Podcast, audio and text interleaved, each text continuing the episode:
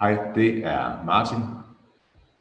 Så sender vi fra stuen her i Randers på sådan en uh, meget, meget, meget grå, øh, regnfuld sommerdag. Og det er nok øh, en, en sommer, som øh, for de fleste er lidt øh, grå og trist for rigtig mange, men det gælder om at finde de her lyspunkter, øh, når, vi, øh, når vi nu sidder og driver vores virksomhed, holder lidt ferie, gør lidt, hvad vi nu, hvad vi nu vil til at gøre.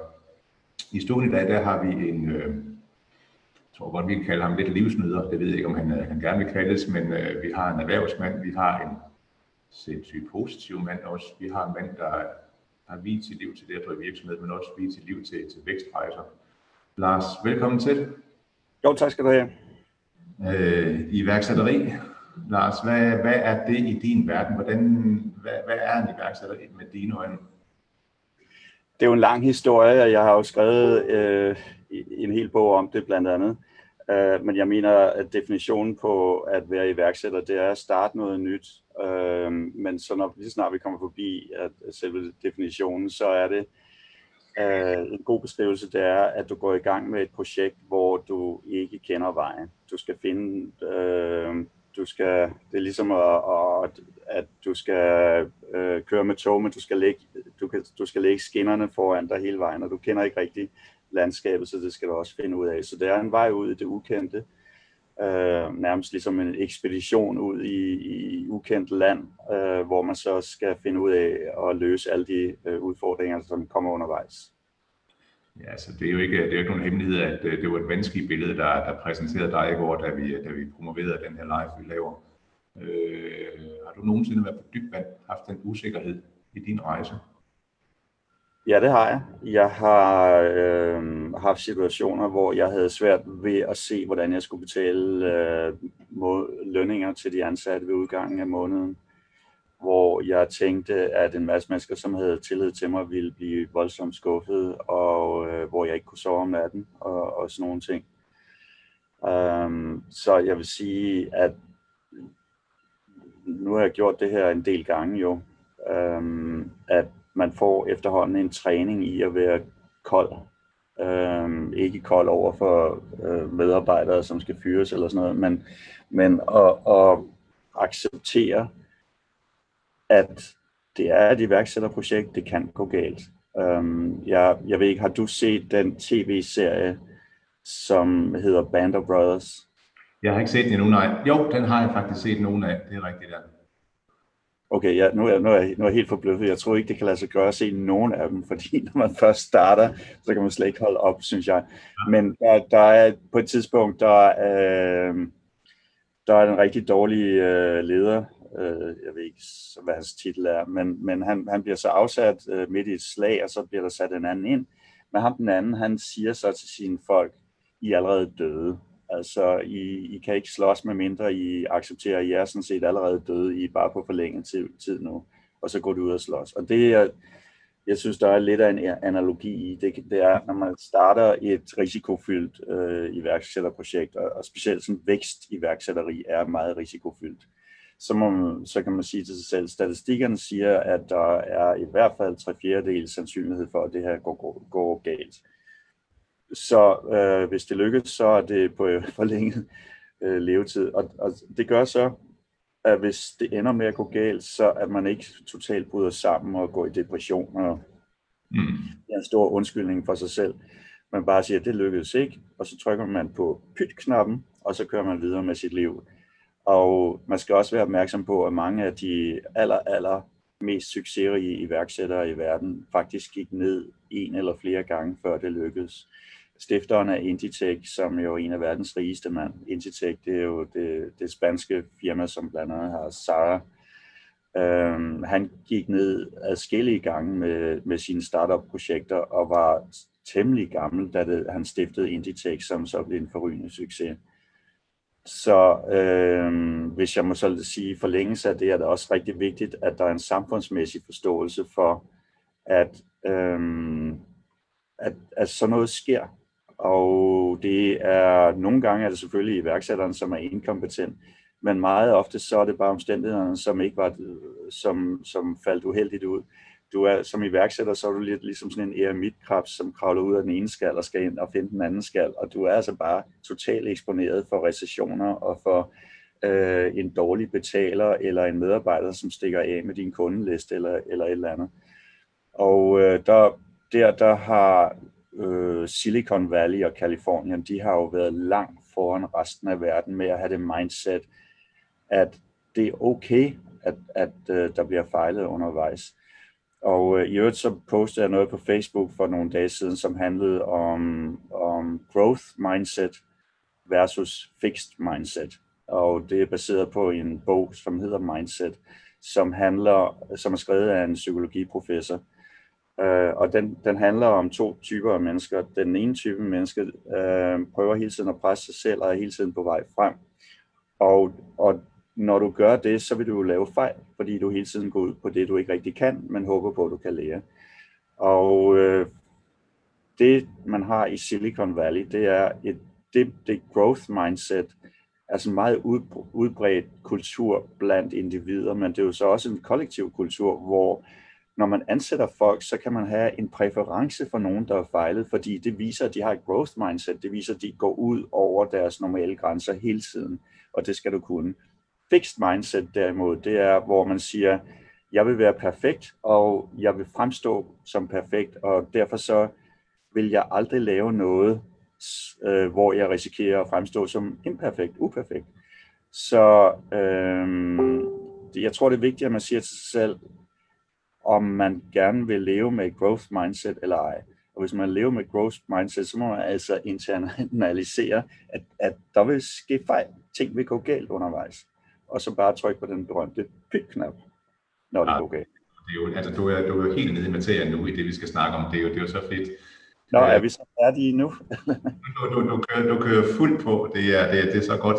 De to ord, det, det er noget, vi lige vender tilbage til. Vi har en halv times tid her at snakke. Øh, vi skal snakke lidt om dine produkter. Vi skal snakke lidt om, det kan godt være, at der er nogle få ude i, der lytter med, der ikke ved, hvem du er. Så vi skal lige have en beskrivelse af dig. Og så tror jeg faktisk det her med, med at du sidder jo du sidder på en båd og arbejder. Øh, hvorfor det? Øh, men Lars, hvem, hvis man skal beskrive dig, du er vel en mand i den bedste alder, er du ikke? ja, jeg ved ikke, om jeg, jeg ikke er en, der er forbi min bedste alder, men jeg har øh, de sidste 20 år har været fantastisk øh, skøn tid i mit liv. Enormt produktivt, og øh, de sidste 20 år har jeg ikke haft et kontor, så jeg ved ikke, om der er en korrelation i det. Uh, og jeg ved, at du selv ikke rigtig har haft et kontor i meget lang tid, er det ikke korrekt? Ja, jeg har kontor, men ikke egen fast arbejdsplads, fordi det kunne jeg se, da jeg startede virksomhed, øh, jeg startede virksomhed lidt før dig, men har ikke været på den samme vækstrejse som dig. Øh, min filosofi, det var egentlig, når man sidder med et hjørnekontor som direktør for en virksomhed, så har du viden inde ved dig, og det vil sige, den begrænser din organisation i at få fat i den viden, hvis jeg ikke er der en dag. Så det her med at bygge en organisation op, der kan leve uden at den øverste chef reelt er der hver dag, det har for mig altid været vigtigt. Den her frihedsgrad. Jeg har, øh, jeg, kan lige, jeg kan lige fortælle lidt om, bare, bare for at øh, skabe en basis for det, vi skal snakke om. Så kan jeg fortælle lidt om, hvordan jeg arbejder. Så som jeg siger, jeg har ikke haft noget kontor de sidste 20 år, men jeg har arbejdspladser der, hvor jeg er. Og jeg bor i Schweiz, hvor jeg bor i Kanton Zug, og så om vinteren oppe i bjergene i Verbier. Øh, og om sommeren, der bor jeg på Middelhavet. Jeg, øh, den båd, jeg sidder på nu, der har jeg siddet siden tidlig i juni. Vi kom, båden kom ned den 3. juni til Kroatien, og så har den været der lige siden. Og så har der været gæster på uafbrudt lige siden. Øh, og det har øh, blandt andet været, jeg har haft øh, Mads Faghold, og det kan man se på, på nettet, fordi at vi har optaget over 70 videoer, hvor vi snakker om iværksætteri. Og ja. den poster vi her i løbet af, jeg er begyndt på det. Jeg tror, vi øh, og så har jeg haft øh, Kasper Vidensdal, som jeg har et projekt med. Han er en reklame-videomand, øh, hvor vi havde et stort kreativ udfordring i vores projekt, og vi kunne ikke finde ud af, hvordan vi knækkede det, og så kom han ned, og så var han så på båden så lang tid, som var nødvendigt for at finde ud af det, hvilket viste sig at være en, øh, knap en uge, og pludselig var den der bare. Øhm, så det jeg gør meget, det er, øh, jeg når jeg har et eller andet projektmæssigt, som øh, kræver meget omtanke, og hvor det er kombination af forskellige hjerners input, der er nødvendigt, så laver vi en off-site session om vinteren typisk i bjergene, om sommeren typisk på båden, og så arbejder vi med det. Nogle gange, de fleste gange, så er der afsat nogle dage til det, men nogle gange, så er det sådan, vi gør det indtil det er løst. Og ved at være i så tæt samvær med nogle mennesker, man arbejder med under så uformelle former, så lærer man at læse hinanden rigtig godt. Øh, man kan sige, at øh, det at møde op sådan i, i jakkesæt og sådan noget, hvis man er en mand, kan måske have nogle fordele, men det er jo også en facade. Og når man, når man sidder sammen i badebukser og snakker om sådan et større erhvervsmæssigt projekt, så er der altså ikke nogen facade. Vi er, vi er virkelig, som vi er. Og, øhm, og, og så, så kommer man til at forstå og læse hinanden bedre. Og når man så har brugt den tid sammen projektmæssigt, så kan en hel masse andet, der kommer efter. Det kan sådan set køres øh, på telefon eller video, fordi man har allerede forstået hinanden, og man også er kendt over for hinanden, at det her, det kan jeg ikke, men det kan du, og, og så videre. Og så havde jeg en diskussion med Mads, som vi jo optog, og, og allerede har sendt ud på nettet, øh, hvor jeg, jeg snakkede om det her, og så sagde jeg, øh, for mig, jeg har ikke brug for at møde op på et kontor. Jeg har ikke gjort det i 20 år, og jeg er mest effektiv på den her måde. Og så siger Mads, at det virker ikke for ham så godt, fordi at han ansætter utrolig mange meget unge mennesker til sin organisation, så han, han finder sådan top talentfulde unge mennesker. Nogle af dem er kun 18-19 år, nogle af dem noget ældre. Uh, og det er utrolig vigtigt for ham, at, uh, at de har, der er en fælles kultur, en effektiv kultur. Og han siger, at han skal være til stede med dem for at forme deres kultur.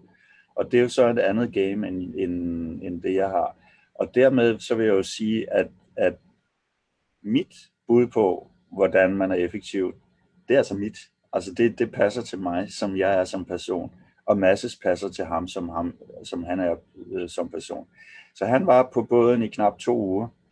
Og i løbet af de to uger, der, der, hvis man havde siddet som en flue på væggen, på væggen, så kunne man se en kæmpe forskel i vores arbejdsform.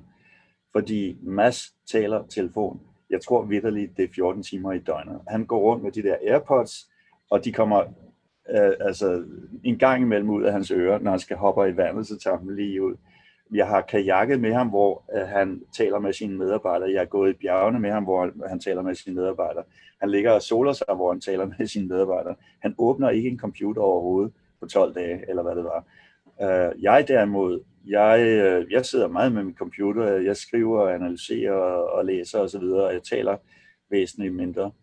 Så et hvert menneske skal jo finde ud af, hvad, hvad er effektivt for mig. Og der er en, en sådan ret vigtig sondring på, hvordan folk lærer. Nogle mennesker lige lærer ved at tale, nogle ved at skrive, nogle ved at lytte, øh, nogle ved at gøre, ved at gøre ting i praksis. Øh, jeg er sådan en, jeg lærer ikke særlig godt ved at lytte. Jeg lærer utrolig godt ved at skrive og ved at læse. Uh, så derfor så arbejder jeg med en computer og med, og med en Kindle og så videre, og det gør Mads altså ikke, fordi han er rigtig god til at tale og lytte i stedet for. Og det skal man jo også kommunikere, synes jeg, til andre mennesker, hvis man er et team. Så hvis, der er jo sådan nogle fænomener, hvor en virksomhed har i lang tid haft en direktør, som lærte ved at læse og skrive. Og derfor så også en kæmpe papirflow og e-mailflow og rapporteringsflow i virksomheden. Så kommer der en ny direktør, som lærer bedst ved at tale og, og lytte. Og så der bliver ved med at komme det der flow af skriftlige ting, som han aldrig nogensinde læser, eller hun aldrig nogensinde læser. Og så kan man lige så godt sige til, med, til folk med det samme, jeg lærer på den her måde, det er den måde, jeg er på. Hvordan er du? Hvad er effektivt for dig? Ja, og det, det er jo også, igen, nu siger du masser med, med, med mange unge medarbejdere. Øh, har, du, har du nære medarbejdere på dig, Lars? Sådan tæt, tætte på dig? Ja, men det er, øh, altså jeg er en idéperson. Øh, jeg er ikke en teamleder, så jeg får idéer til, hvilke virksomheder, der skal laves. Jeg får idéer til, hvilke forretnings, øh, altså forretninger, der skal strikkes sammen. Jeg kan strikke dem sammen øh, på den måde, jeg kan sige, hvis du gør sådan, og hvis du gør sådan, sådan, så får vi meget mere ud af det, end der er nu. Øh, så når jeg har brug for at have nogen, som leder team, som er fuldstændig øh, autonome, som tager ansvar, som er motiveret af målet, ikke af, af vejen, altså som ikke er procesorienteret, men som er målorienteret. Og så snakker jeg rigtig meget med dem, og så når jeg mærker, at nu er der en knast, et eller andet, som kræver, øh, at der arbejdes med det, så kaster jeg mig ind i det. Men det er på ligesom i gig mode, altså det er ligesom, ligesom øh, nu, nu er der brug for mig intensivt i 3, 4, 5 dage med et eller andet helt specielt, som vi løbet ind i. Og så kaster jeg mig ind i det, og så, er jeg, så afleverer jeg det, så er jeg væk. Ja, så ligesom nu nævnte du Band of Brothers før, øh, den her med at lave et nålestik på en, der er et eller andet her, der skal løses, og så trække sig ud igen. Ja, ja. Så, så det er det, jeg er egnet til, og, og øh, jeg har været sådan en meget stor fortaler for at lave personlighedsanalyser i mange år, og lavede det på mig selv første gang, øh, da jeg skrev bogen Børshandels Psykologi, så det er mange år siden. Og siden da der er der jo kommet hav af dem på nettet, men jeg har også taget sådan en professionel stor analyse, som fortæller mig, at jeg er nok verdens værste mentor. Altså, jeg, har, jeg scorer 0 på mentorskalaen. Til gengæld, uh, så scorer jeg så ufattelig højt på nogle andre ting, som er noget med at kunne overse, overskue komplekse situationer og sådan noget. Så uh, altså, det er jo ret vigtigt, at man har en selvforståelse, og så finder en, en arbejdsform, som passer til den. Og jeg synes absolut ikke, man skal forsøge at rette på det, man er svag til. Man skal forsøge at delegere eller kombinere sig frem til, at der er nogle andre, som gør det, man er svag til. Altså i stedet for, at du tilpasser dig til noget, så er det egentlig, du sørger for, at omgivelserne passer til det, hvor du er. Ja, jeg, altså jeg, jeg samarbejder med nogle mennesker, som er, som er meget stærke på det, som jeg er meget svag på. Fedt. Lars, vi skal lige høre bare lige meget, meget kort, øh, det du lever af, det er dine forretninger. Hvad er det for noget? Jeg har, altså jeg har, hvis vi tager sådan lidt helikopteragtigt, så har jeg startet, det er lidt svært at sætte tal på, hvor mange virksomheder man har startet, fordi nogle af dem er joint ventures og, og sådan noget, men, men det er sådan hen ved 15 virksomheder. Øh, de fleste af dem er det, man kalder, ja, det er stort set alle sammen det, man kalder vækstiværksætteri, det vil sige virksomheder, som har stort skaleringspotentiale. Øh, det meste af det har været inden for informationsteknologi, men jeg har også lavet noget inden for ejendom og noget inden for investering. Um, I øjeblikket, eller hvis vi tager sådan de sidste få år, så var jeg medstifter af en venturekapitalfond, uh, der hedder Nordic Eye, hvor vi investerede i 20 virksomheder og har lavet en exit på en, så der er 19 tilbage. Um, så kom der så noget fnider med management uh, i det. Um, men det var et uh, projekt, som ligger lige til højre ben for mig, uh, fordi jeg uh, netop virkelig godt kan lide og for det første at se, hvor, hvor er de gode investeringsmuligheder, og for det andet, når man har investeret i en virksomhed, og så se, hvordan kan den her virksomhed ofte med nogle ret øh, simple ændringer blive væsentligt mere effektiv og profitabel. Så har jeg stiftet noget, der hedder Supertrends, som er crowdsourcing af en tidslinje for fremtiden. Og det er et kæmpe projekt, altså det er et virkelig stort projekt. Og øh, belært af mine øh, mange erfaringer som iværksætter, så kører vi i høj grad det, man kalder nail it before you scale it. Det vil sige, at vi kører det sådan relativt low key og relativt langsomt, og gør det også med relativt lave omkostninger, imens vi arbejder med den kreative model. Og det var blandt andet det, jeg havde Kasper Videndal nede på båden for at snakke om, og vi, altså nu, jeg kan ikke fortælle om alt det, vi har i gang i her, men det drejer sig jo blandt andet om at rekruttere en lang række eksperter og reviewers, som kigger på nyheder om fremtiden, og så kollektivt med nogle meget avancerede teknikker, skaber vi en tidslinje for fremtiden, og så er der en hel masse medieprodukter omkring det, som vi så udvikler, og så det er et meget stort virtuelt team, der er på, øhm, men, men øhm, det er først til næste år, der rigtig sådan kommer øh, vigtige produkter ud af det. Så lavede vi så parallelt noget, der hedder Superturns Institute, som er en tænketank, der laver øh, coaching og workshops omkring fremtiden, og hvordan enkelte virksomheder kan øh, positionere sig bedre til fremtiden, få mere ud af det. Øh, herudover, øh, der, deri har vi blandt andet udviklet øh, noget gamification, hvor vi har et spil, som kan køre fra mellem to timer og to og en halv dag, hvor man gamifier sig igennem frem til, øh, hvilken del af det, der forventes at ske i fremtiden, er relevant for mig eller for vores virksomhed. Så er jeg medstifter af et firma, der hedder Berlin Investment Company, som ligger i Zug, som vi lavede i 2006, og hvor vi købte 400 lejligheder i, i øh, Berlin og også lidt i Rostock, øh, hvor vi har omkring 20 ansatte, som har gået og renoveret på det. Og nu er vi i exit mode, så nu sælger vi rigtig meget af det, men så bruger jeg en lille smule tid på. Uh, og så laver jeg finansielle investeringer. Jeg har, jeg har jo en baggrund som Chief Corporate Dealer i MD Foods blandt andet. Uh, og dengang der lærte jeg at handle i derivater og valuta og, og diverse instrumenter. Og det synes jeg bare er sjovt. Så mens jeg sidder her på båden, har jeg jo uh, handlet blandt andet sølv. Um, så jeg syltede ind i sølv futures lige i øjeblikket, og jeg er sådan lidt nervøs her til morgen over det, men det er gået virkelig godt ellers.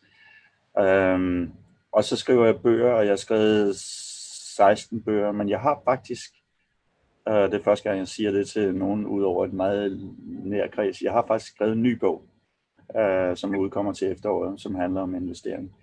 Og uh, den dikterede jeg til min computer her på båden.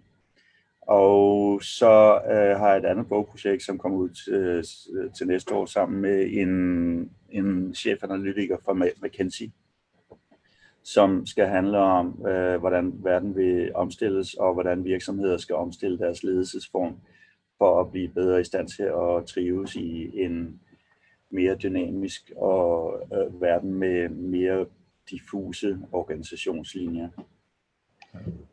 Så det er jo en, øh, altså når jeg ligger, det, det forstår jeg jo fuldt ud, men, men, men mange af dem, vi repræsenterer, de forstår ikke, at, at man kan overskue så meget, men, men du virker til at blive fuldstændig i det, du har med at gøre. Ja, jeg bruger øh, i mit arbejde, der bruger jeg meget noget, som man kalder, øh, øh, oh, hvad er det, man kalder det? Det, det, er en, det er en teknik, hvor man arbejder med et projekt, indtil man løber tør for inspiration, og så øh, parkerer det, og så arbejder med et andet projekt, og det hedder The Hemingway Bridge. Okay, Hemingway. Uh, Hemingway Bridge, og så skal jeg nok lige forklare, hvorfor det hedder det. Så de Hemingway, som er jo en, en berømt forfatter, Øh, han havde det, at han sad en dag, og så skrev han en kapitel i løbet af den dag. Altså han var kendt for at drikke rigtig meget whisky, men inden han så åbnede whiskyflasken om aftenen, så når han afsluttede et kapitel, så mens han stadigvæk var i, i skrivehumør, så, så skrev han første halve eller hele side af den næste kapitel, fordi så var det langt lettere for ham at komme i gang den næste dag, fordi der var allerede ligesom lidt gang i det næste kapitel. Så det, det jeg gør, det er, at jeg har en masse projekter og, og elementer af projekter, hvor jeg arbejder med det, indtil jeg synes, hmm, nu, øh, der, nu har jeg ikke mere inspiration om det her lige nu. Det kører sådan i baghovedet på mig hele tiden. Så er det mest effektivt for mig at have et stort antal. Jeg vil sige, der er sådan 15-20 ting typisk, øh, som jeg går og tænker rigtig meget over, og som jeg så går hen og siger, oh, nu, nu har jeg en tanke om det her, nu skal jeg lave noget på det, nu har jeg en tanke om det her, nu skal jeg lave noget på det. Og det er altså for eksempel direkte og indirekte er investeret i 26 startup virksomheder. Og det er klart, jeg, jeg, jeg får bare idéer om, hvordan nogle af dem kan gøre nogle ting på en anden måde. Uh, for eksempel så ringede jeg for to dage siden til en af mine venner, som har en virksomhed, en selvstændig virksomhed, som er et medieprodukt på nettet, og pludselig, så jeg sad faktisk på konticykel bag på båden her, så kom jeg, ja, så kom jeg bare til at tænke på, at hvis han lavede to ændringer, så kunne det blive vanvittigt mere profitabelt. Så ringede jeg til ham og sagde, jeg har tænkt over din virksomhed. Hvis du laver to ændringer, så kan det blive en helt anden virksomhed. Hvis du gerne vil lave det, hvis, hvis du gerne vil have mig med, så vil jeg gerne være med. Uh, og i øvrigt, jeg har et, et domæne, uh, som er meget bedre end dit, vi kan bruge og sådan noget. Og så tænker jeg på sølvkursen, og som fordi jeg har de her sølvfutures, så tænker jeg, der er noget, der, der gold-silver ratio, der er guldkursen, der er dollar mod eurokursen, og hvordan spiller det sammen? Så tænker jeg lidt over det, og så går jeg ind og, og, og trimmer lidt på den bog, øh, som skal komme ud til efteråret, og så det ene og det andet, og det er bare super effektivt for mig, at, at min hjerne sådan hopper rundt fra det ene til det andet jeg kan jeg tager lige lidt af min, af min hverdag ind. Vi er i gang med det her community og få dem over at blive øh, over på en fordelsklub. Og jeg, jeg har lidt, tror jeg, samme hjerne som, som, som dig, Lars. Det er, at jeg kan godt overskue 10 projekter på samme tid og vide, hvornår man skal hoppe ind på det ene og på det andet. Jeg har en partner, som er meget regelret. Han er sindssygt god til at eksekvere, når vi bliver enige om, hvad der skal eksekveres på, og det kører han. Der er ikke et der står forkert. Vi rammer ikke hinanden, når vi snakker, altså vi snakker et fælles sprog. Ja. Hvordan, ja, hvordan det, det er jo det, altså, du, rammer, du rammer noget interessant her, fordi jeg, jeg kan jo bare sige, at øh, folk, der kender mig rigtig godt, de er sådan helt forbløffet over, at jeg overhovedet er i stand til at nære mig selv, fordi jeg er totalt uorganiseret med mit daglige liv. altså, og jeg øh, rejser stadig uden mit pas, og jeg rejste en gang til meget vigtige serie forretningsmøder i England med to forskellige sko på. Den ene var en Morasko, og den anden var en Church. Øh, og glemmer at lukke min lynlåser og tusind andre ting. Så øh, den styrke, jeg har ved at kunne fokusere på alle de her kreative projekter, den er fuldstændig matchet med en, svaghed i at lave noget som helst, som er skemalagt. Hmm. Og derfor så er jeg nødt til at have uh, lidt support på overhovedet få min, min, min hverdag til at fungere. Så jeg omgiver mig med nogle mennesker, som bærer mig frem, ligesom sådan en, en lallende kæmpe baby, som, øh, som skal fodres og sådan nogle ting. Vi har en fire minutter tilbage, Lars. Øh, og det, der er interessant, det er, at jeg, lige to sekunder, det er, vi har en fire minutter tilbage. Det, der er interessant, det er, at vi jo et, et, i Danmark, som du ikke har boet i i mange år, vi er jo et lønmodtagersamfund. Vi er meget skemalagt. Man skal op, man skal have sin uddannelse, man skal passe sit arbejde. Er det det, der strider lidt imod, at vi har så få iværksættere i Danmark? Altså, ja, det, det er helt klart, at, at den danske samfundsmodel er optimeret til en offentlig ansat lønmodtager, som øh, har en løn, som er, ligger under topskatten. Og derfor er Danmark er det land i Europa, som har den laveste andel af selvstændige iværksættere. Øh, og så, øh, man vil sige, danskere er traditionelt meget dygtige iværksættere, men utrolig mange af dem, som virkelig kan noget, de forlader Danmark øh, for at komme til et sted, hvor man har en mere iværksætteragtig kultur. Og det kommer til at have en pris på sigt, efter min mening, fordi Danmark har ikke den så høj strukturel vækst, som det burde have. Så øhm, det synes jeg, der er noget at tage fat på rent politisk, fordi vi har jo ligesom vi har fået en gave fra de foregående generationer, så har vi også en forpligtelse til at fremme livet for de kommende generationer. Hvis man ikke er noget iværksætteri, så er det ligesom en landmand, som høster hele tiden, men som ikke gider at så. Og det, det, det synes jeg, der er et element af. Når, når jeg står op om morgenen, altså vi har, vi har godt 52.000 mennesker, der laver en aktivitet i Facebook-gruppen. Vi er i gang med lige så stille pædagogisk og, og udbrede lidt af det her læring, og det vil sige, mm hvis jeg tager dine ord for pålydende, så skal vi fjerne lidt struktur, lidt rammer og være lidt mere vilde og lidt mere, øh, ikke våge mod, men, men, men prøve ting af. Ikke være så bange for at fejle, fordi i Danmark, det, det værste, der kan ske, hvis man fejler, det er, at man går konkurs. Der, der er selvfølgelig nogen, der får noget slemt ud af det, men den enkelte kommer jo videre over tid. Vi har et mm. samfund, der er kort. Altså, hvor meget har du reelt at miste? Ja, altså, øh, og det, altså sjovt ved det er, hvis man laver en samfundsmodel, som er mere øh, iværksætterfremmende, så er det ikke noget, der koster noget. Det er rent faktisk noget, man tjener penge på, så der er ligesom ingen taber i det, der er kun vinder. Øh, men det er jo et politisk budskab for at forklare, hvorfor det er sådan, at man skal, man skal så for at kunne høste. Jo, men, men, men jeg var på højskole som meget, meget ung, og øh, andelsbevægelsen, som kom ud af et samfund, der, var, der havde meget mange små enheder, der kom andelsbevægelsen. Ser vi, at, at, at iværksætteri måske kunne være den nye andelsbevægelse? Ja, og jeg vil sige, der er sket rigtig, rigtig gode ting i, i Danmark og, og i øvrigt i Europa på den front. For eksempel det her mindset, vi snakkede om meget tidligere, growth mindset, at der en markant bedre forståelse for det. Så er der bare, det der står tilbage, det er bare sådan en lovmæssig øh, referenceramme øh, eller rammebetingelser, som ikke rigtig følger med, tværtimod, synes jeg. Øh, så der er arbejde at gøre der. Vi har et lille minut tilbage, Lars. Hvad er dit, øh, du er kommet med sindssygt mange gode læringer. Jeg tror, der er rigtig mange, der kommer til at høre det her på replay. Det kommer som, øh, som podcast også.